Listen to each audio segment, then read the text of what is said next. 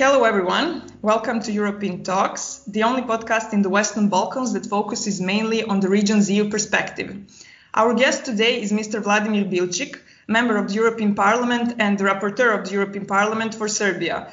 Uh, Mr. Bilcik, uh, welcome to our podcast. It's uh, really a great pleasure to have you with us today. Good, good, good morning, good day to everyone uh, in the Western Balkans, and of course uh, to you in Belgrade. And it's very, very nice to be with you. Yes, uh, we're filming, we're recording this uh, episode via Skype, and we have uh, many issues uh, to talk about from the recent elections in Serbia to uh, the EU Western Balkans uh, relationships in the future, the regional challenges. But first, we can maybe start with the um, outcomes of the um, elections in Serbia held last Sunday. Uh, what are your main impressions or your main takeaways? Uh, first, I'm very sorry that uh, uh the European Parliament and, and I personally uh, wasn't able to uh, be in Serbia, in Belgrade. For this election, we unfortunately, um, until the situation changes, have stopped all our external missions, so we are not observing anywhere. And this is a wider issue for the Western Balkans because, of course, we have elections coming up in mm-hmm. North Macedonia in July and uh, Montenegro in August. Um, and uh, we'll see uh, how how that changes. So that's been a bit frustrating. At the same time, I've been uh, in very uh, intense contact with uh, um, all political forces, um, member, members of the NGO community, mm-hmm. um, um, representatives of the media, as well as uh, the diplomats in the region for the past uh, few weeks, um, together with my colleague Tanja Fajon, uh, because mm-hmm. we were uh, involved and engaged in mm-hmm. the mediation efforts. Um, in the so-called inter-party dialogue, and we wanted to see how things uh, have changed in the run up to elections. And of course, we also wanted to assess uh, the consequences of the COVID 19 situation for the mm-hmm. elections. Uh, mm-hmm. This was all a very special election in exceptional circumstances, one of the first elections in Europe um, mm-hmm. coming out of uh, the acute phase of the pandemic. So I was very concerned about uh, the safety of the citizens, the health of the citizens. Um, and uh, basically, in terms of assessing the elections, I still want to wait for the final report by ODIHR, mm-hmm. by the OSCE. Mm-hmm. But mm-hmm. the statement on Monday is very clear. Uh, mm-hmm. the elections were well organized. Um, and um, particularly the concerns about the health situation, I think they were, um, it seems uh, to me, um, taken care of to a good mm-hmm. extent.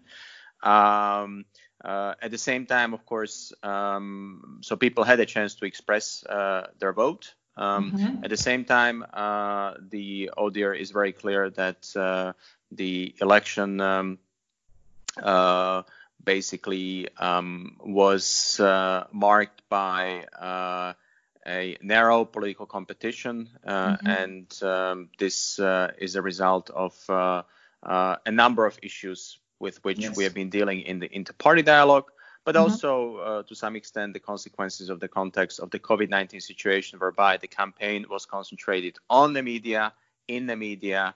Uh, and uh, and of course, in that sense, um, the dominance of the governing uh, parties uh, was uh, um, quite substantial when it comes to the campaign, and that was clear mm-hmm. from the ODIHR report. So I need to wait for the final assessment. Mm-hmm. Um, I'm glad the elections went uh, without any violence, without mm-hmm. any, um, you know, uh, threats uh, to anybody, which uh, we would notice in any any significant uh, ways or numbers. Uh, we did note it, the reports of some irregularities, but it seems that they weren't mm-hmm. substantial. Um, so we'll have to basically um, go from here and I guess we made it very clear uh, in our joint statement from uh, yes. the European Parliament. Maybe this is the last point as, as a matter of first reaction to the election that um, mm-hmm. uh, the dominance of the uh, winner. Um, and I want to mm-hmm. congratulate to all citizens who t- took part in the elections. I want to congratulate all parties who took part in uh, uh, this race. Um, and I also want to congratulate to those who won because they uh, will have an extremely strong mandate. Mm-hmm. And with that mandate also comes a very uh, important responsibility. But uh, we uh, we made it very clear that uh, the absence of a clear pro-European opposition in Parliament uh, shouldn't really uh, be a reason or undermine Serbia's efforts to reform mm-hmm. the country mm-hmm. and efforts to drive the change which is so much needed towards uh, the uh, fulfillment of the goal of the European perspective. Um, mm-hmm. And and I think this is this is something which is the key message. We mm-hmm. in the European Parliament are ready to engage with uh, Narodna Skupština, uh, with mm-hmm. the new MPs, uh, with the new leadership um, which comes out this election, because I think uh, they have a huge mandate. But that mm-hmm. means they will have also a huge responsibility to push for reforms and to push for change. And of course, we are ready and committed to working on improving the conditions for democratic uh, institutions and democratic competition in Serbia. And again, mm-hmm. this will be a challenge. Um, mm-hmm. uh, we want to make sure that uh, uh basically the changes which began mm-hmm. in the first part of the dialogue uh, will continue through the second phase of the inter-party dialogue when we engage with uh, Narodna Skupština in the next phase. So mm-hmm. Mm-hmm. Uh, this would be my general comment on the elections. Mm-hmm. Of course, we can go into some more details.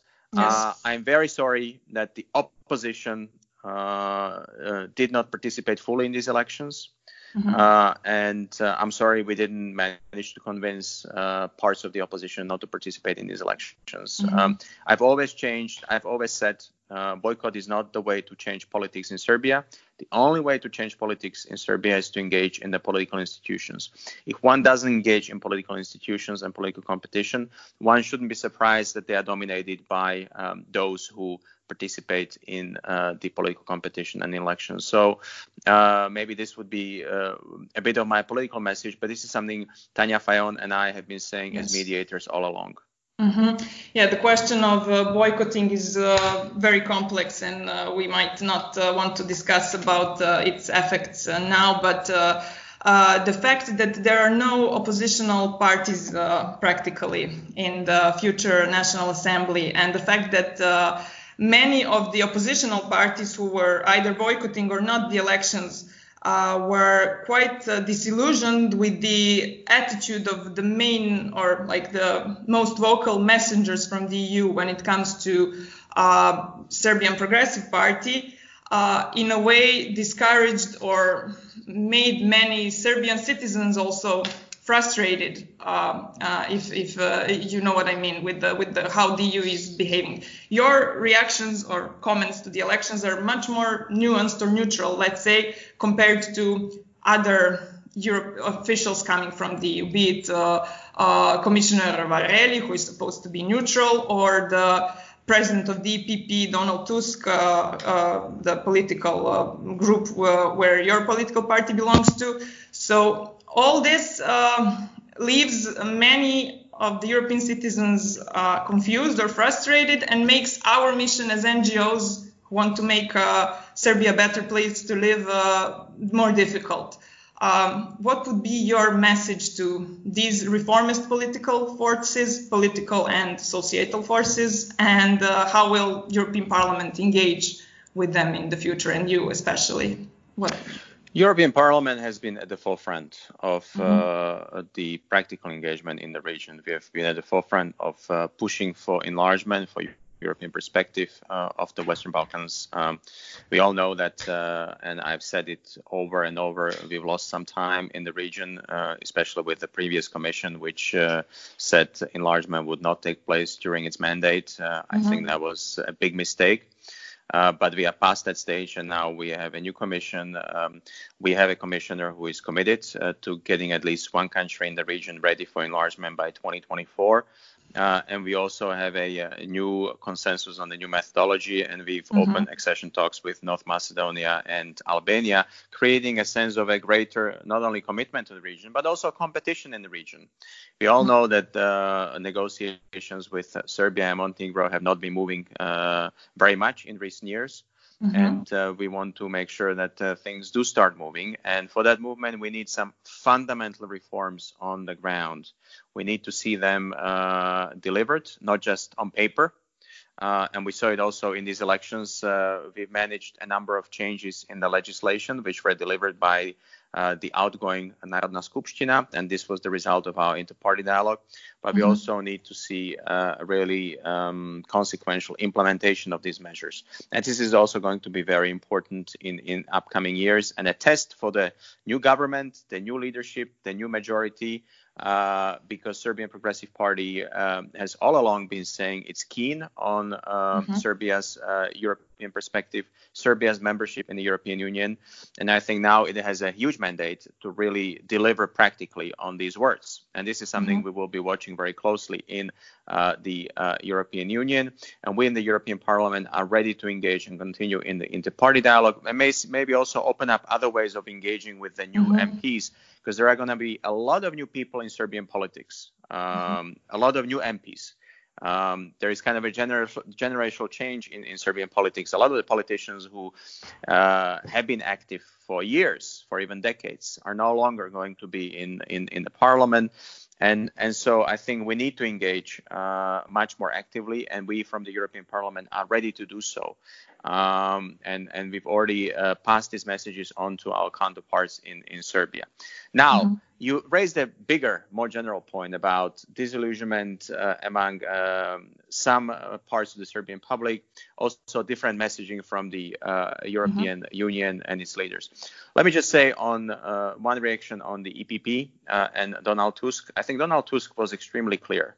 I think it's um, it's uh, basic um, decency to congratulate the winner of the elections, uh, and uh, this is something which we did, and I did it myself also in my um, private uh, messages. But uh, Donald Tusk also said very clearly, uh, with such a huge mandate comes huge responsibility.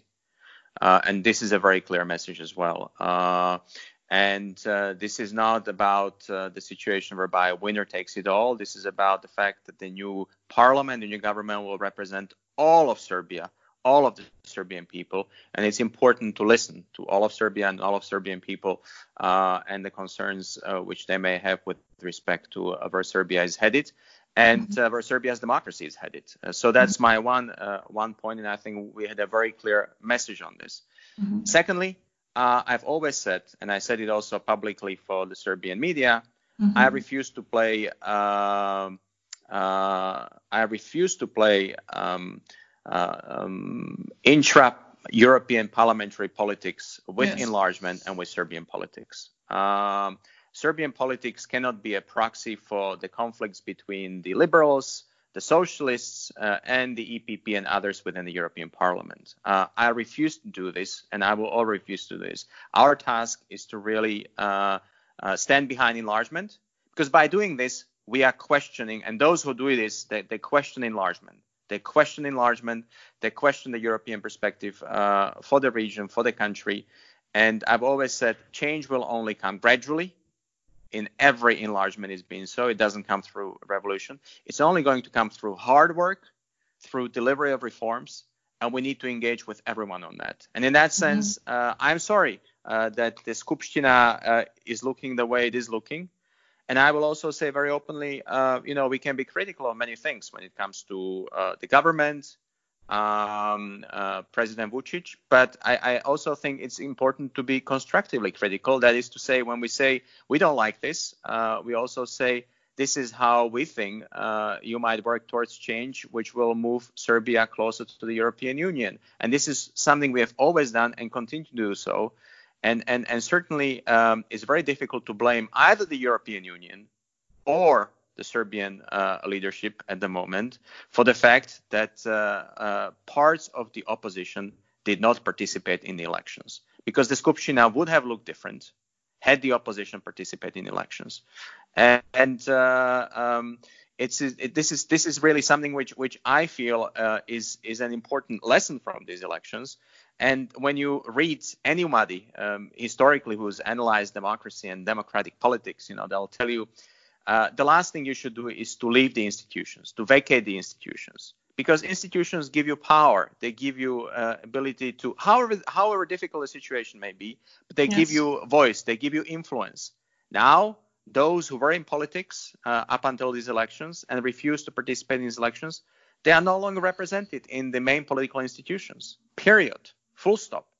And in that sense, it's going to be very difficult uh, what happens to them, uh, how they'll engage. I, I, think it's important to continue our dialogue with all uh, relevant forces in Serbia. Mm-hmm. But of course, we will focus on the government, on the Skupština, because these are the people who got the mandate. Um, one last point, and, and this is something uh, which I will say as somebody who also experienced very difficult uh, times in my country. Uh, we are mm-hmm. connecting between Belgrade and Bratislava right now, where I am. I'm in my office in Bratislava. And uh, we had a very difficult time in the 1990s in my country. Uh, we had an authoritarian leader whose name was Vladimir Mečiar, mm-hmm. and we mm-hmm. got rid of him. Uh, and the European Union has helped us in that. But the main vehicle for change, the main engine, came from my country. The election was won by those who opposed Mečiar.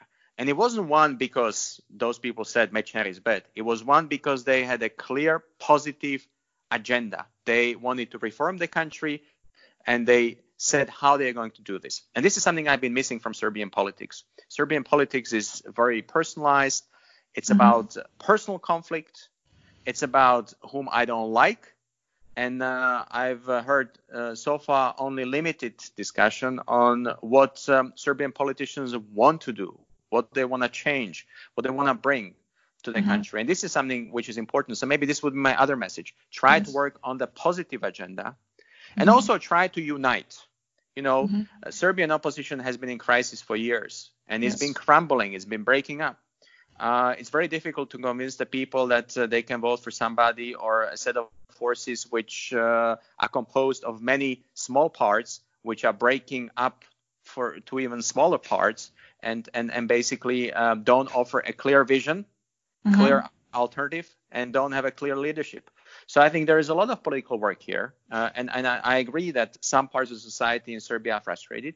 I think what's important for the next government is that uh, there is space, there is public space for free political engagement for everyone, and even for those who want to be critical uh, of the new government and who want to see uh, that there is uh, an alternative political force emerging in the country, perhaps uh, in coming years, uh, because that is important. We need democratic Serbia, we need pluralistic Serbia, and we need to make sure that people feel safe but also free in terms of the choices they make. And that's going to be an important responsibility of uh, mm-hmm. the new leadership and new government.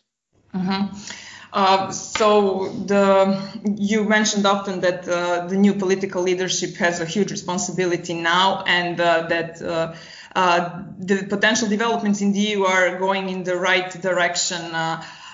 Despite the fact that the state of democracy, according to many experts, has never been worse in the recent history in terms of the state of the rule of law, captured institutions and media, there is a new methodology or a revised uh, accession methodology now uh, being elaborated within the EU, which also calls for greater political steering of the EU enlargement process. Do you see the chance uh, here uh, of um, you know greater political incentives on both sides that the things and the dynamics would uh, change for the better in the future? Uh, look, it takes. it's very simple. It takes two to tango uh, and uh, uh, we need to do our work on our side, on the side of the European Union, and that is to say, give all the support and clarity uh, in uh, our political work and our political support for enlargement for the European mm-hmm. perspective in the region. In that sense, what is going to be crucial is the Commission's report, which assesses uh, Serbia's progress and challenges over the course of the past two years, and I hope it is published soon after the end of the summer. Mm-hmm. Uh, and uh, that'll be also the basis for my work as the rapporteur and our report in the European Parliament. Uh, and uh, and of course, uh, um, uh, we I think will be very clear on the achievements, but also on the tasks that have to be delivered. And here, I again um, underline the fact that the new government will have a huge set of tasks when it comes to delivering on reforms in the area of uh, the rule of law, justice, uh, in the area of uh, the functioning of domestic institutions, public trust in domestic institutions, mm-hmm. um, domestic public institutions have to be strengthened and work in the interest of the public. Uh, this is something which, which is uh, the bottom line. And again, uh, this is where we see weaknesses all across the Western Balkans. Mm-hmm. Uh, uh, so uh, we'll, well, let's wait for the report. And and yes, we all realize there are a number of deficiencies, a number of problems, and I think it's important that these are confronted heads on, not avoided, but confronted heads on uh, by uh, the uh, leadership and the government in Serbia. That's going to be very important. Mm-hmm. the European Union is not going to resolve these things. The European Union is not going to bring about a change in politics in Serbia. This is something I, I, want to make very clear. We are not Serbian politicians.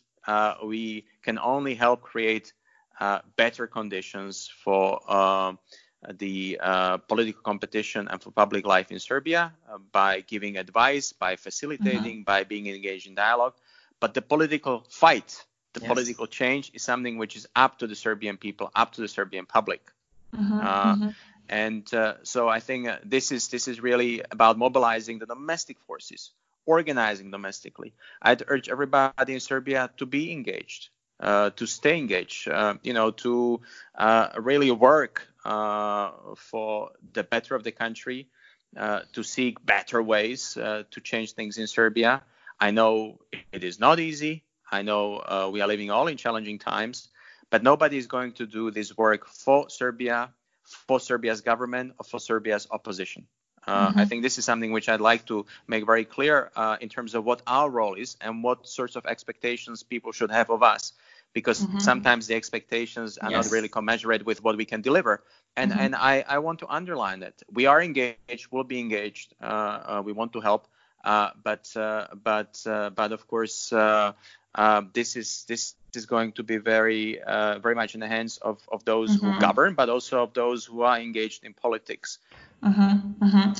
Uh, you were also very much engaged uh, in uh, the uh, Parliament's uh, resolution on the Conference of the Future of Europe, which calls for the involvement of the Western Balkans in this um, conference, call it conference, this two year long process.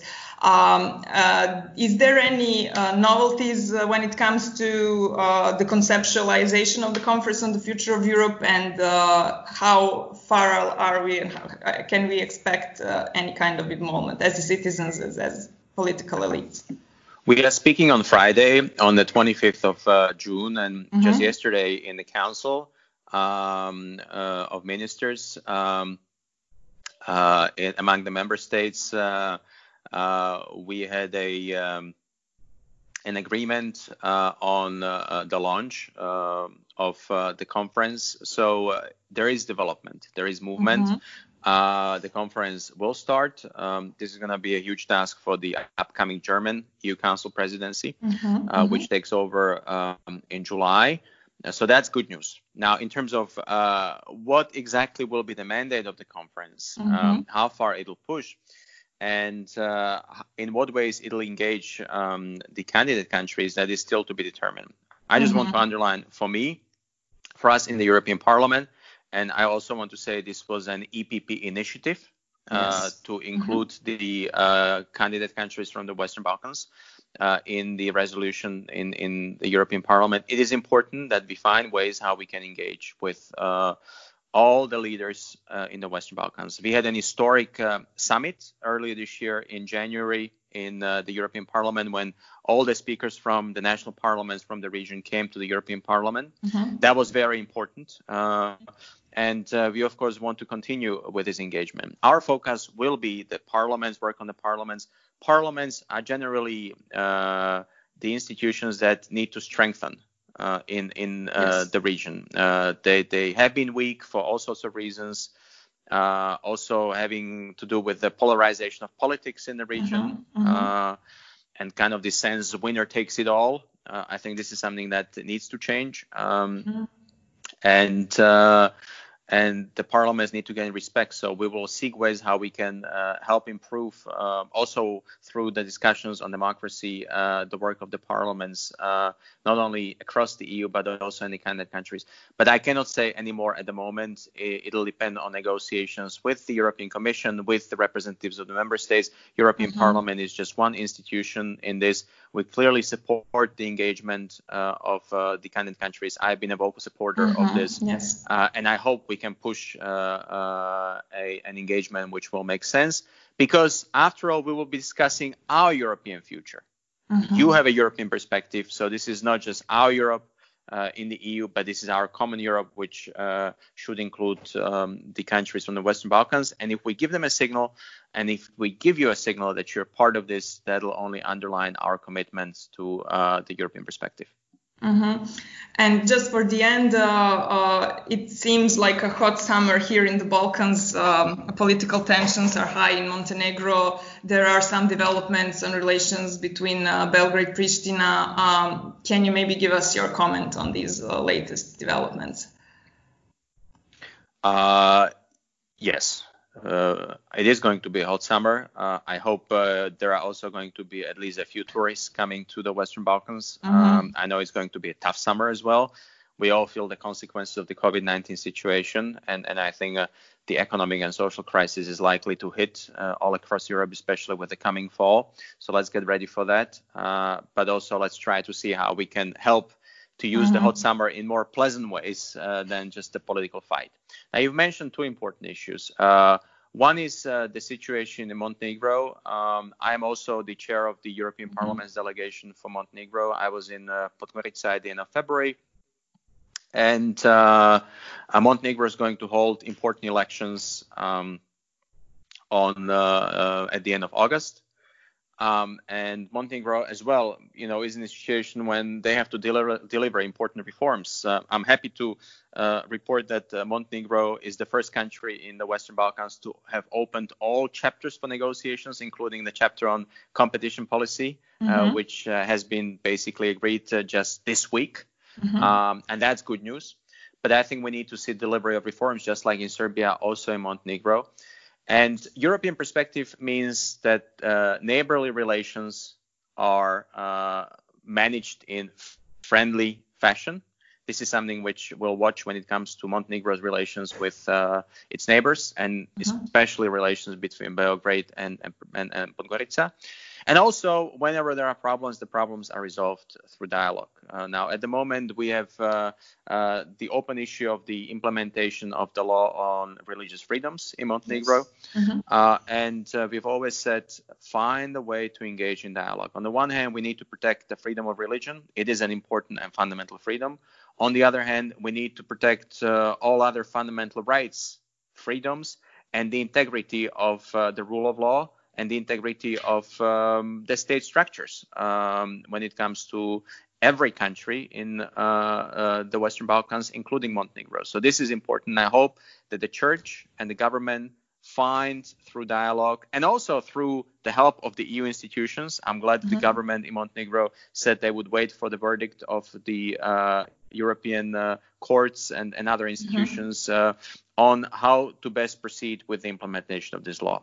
So that's important. I hope that the election in Montenegro go peacefully, go well, and that we have some clarity on Montenegro's future government as well when it comes to the European perspective. Now, mm-hmm. last point on uh, the dialogue between Belgrade and Pristina. I'm very happy that it's restarting. Uh, we've given full support to Miroslav Lajčák, uh, with whom I also am frequently in touch. Um, mm-hmm. We both happen to be from Slovakia, uh, nice. and uh, so uh, we exchange our views. Miroslav Lajčák was just in the region. he's returned to Brussels, but visited both Pristina and Belgrade, and um, it's important that we will have somebody fully engaged in the dialogue led by the European Union, and the dialogue will take place uh, in the region. Uh, and this is very important. Miroslav Lajčák has built his team in Brussels, in Pristina, in Belgrade, and he's ready to get engaged. Now, we have clarity on a strong mandate for political leadership in uh, Belgrade.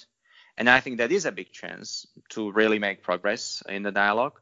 I think we need equal clarity in Pristina uh, mm-hmm. in terms of uh, who will negotiate with what mandate, uh, because the political situation in Kosovo is uh, a bit uh, more precarious at the moment. Uh, but I have hopes for the dialogue. We need to resolve the relations between Belgrade and Pristina. There has to be a legally binding agreement. This would help the people on the ground enormously. Mm-hmm. The Kosovars, the Serbs, everybody in the region. I think it would also be a big boost uh, when it comes to European perspective of the region, uh, both in Kosovo and in Serbia. Uh, let me make it very clear. You know, resolution of the relations doesn't mean that this country, these uh, um, uh, uh, these um, capitals can automatically count on future membership in the European Union. No, no, but resolution of those relations is an important part, an important mm-hmm. step uh, for the European perspective of the region. Because we have seen this uh, across the Western Balkans, especially in recent uh, uh months. We are also facing a wider geopolitical competition. Yes. The COVID 19 situation mm-hmm. has really accentuated uh, the wider conflict between Russia, China, and the European Union mm-hmm. for attention in the region. Um, mm-hmm. Uh, I want to underline that the EU is committed, has been committed to the region. Uh, we are not used to just coming to the region for, uh, um, you know, for taking photographs. We have delivered in real, tangible ways uh, aid to the people.